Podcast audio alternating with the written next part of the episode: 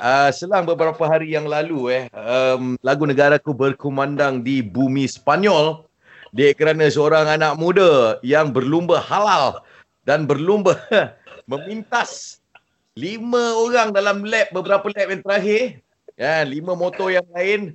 Beliau adalah Damo.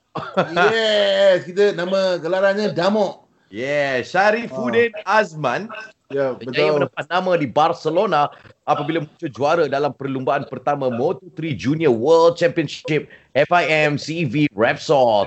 Pemuda berusia 19 tahun ini menamatkan perlumbaan dengan kemenangan bergaya apabila mencatatkan masa 29 minit 32.553 saat dalam 16 pusingan sejauh 74.5 km. Oh, baik. Oi, baik. Macam tu cerita ni. Okey tadi, okey. Okey, Aku baik ke Astro Awani. Oh, I see. Kita bersama dengan uh, Damo. Yo. Assalamualaikum. Salam. Okey, ini uh, ceritakan pengalaman dan juga uh, perasaan masa masa perlumbaan tersebut. So masa uh, awal perlumbaan saya perasaan saya hanya ingin uh, menamatkan perlumbaan dan semua orang hanya expect saya hanya boleh berada di dalam top 5 ataupun berada di atas podium.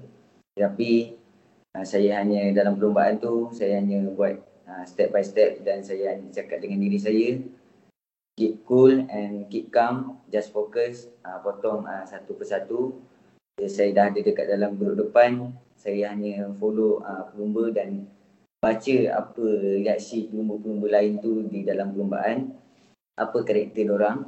Hmm. Dan uh, di sewaktu last lap, saya berada di kedudukan yang kelima dan uh, sebelum sampai ke turn 10, saya tengok semua pelumba dia tutup line sedalam-dalamnya yang Ya. yeah. boleh tutup dan saya cakap saya tak boleh nak ambil risiko ikut seperti orang sebab uh, corner dia memang terus corner macam Ya. gitu.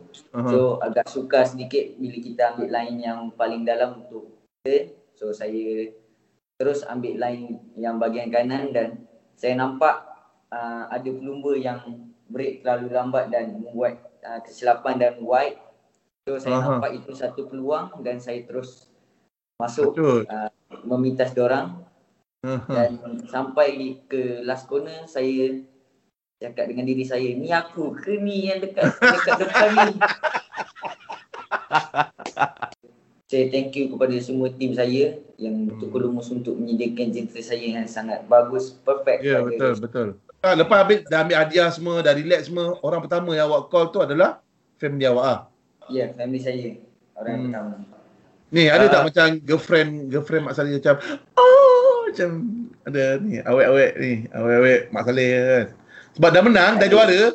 Takkan lah buat, tak ada. buat masa ni tak ada lagi lah Bawa masa ni Oh, cik. masa ni. sebab dia baru sekali ni kalau Lama? banyak kali mungkin ada lah Okey ada.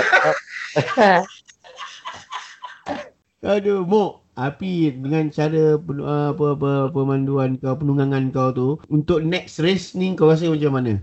Uh, So ya. untuk next race uh, track yang saya pernah berlumba dahulu So saya rasa confident lah dengan diri saya yang track tu adalah saya boleh buat seperti mana macam di Barcelona lah Oh.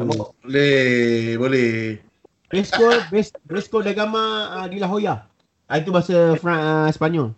Maksud dia? Uh, teruskan kekal dengan kejuaraan. Oh ni bagi pepatah Sepanyol sikit. Dia lama kat Sepanyol ni. Bagi lah Okey. pepatah sikit. Uh, Akhir kata daripada kami Johara ni. Okey silakan Johan. uh, percorsi percorso e mi mi perpo e mi farto ni sorte e parsono e ma corto il tutorial. tutorial. Apa maksud? Tutorial tu tahulah dengar tapi yang awal sampai hujung tu tak, tak faham Saya kadang-kadang kalau ada orang cakap Spain saya cakap Sorry, speak English please Oh, Ah. Lagi mahal lah. Lagi mahal lah. Dia Ah, budak England lah. Budak England lah. eh.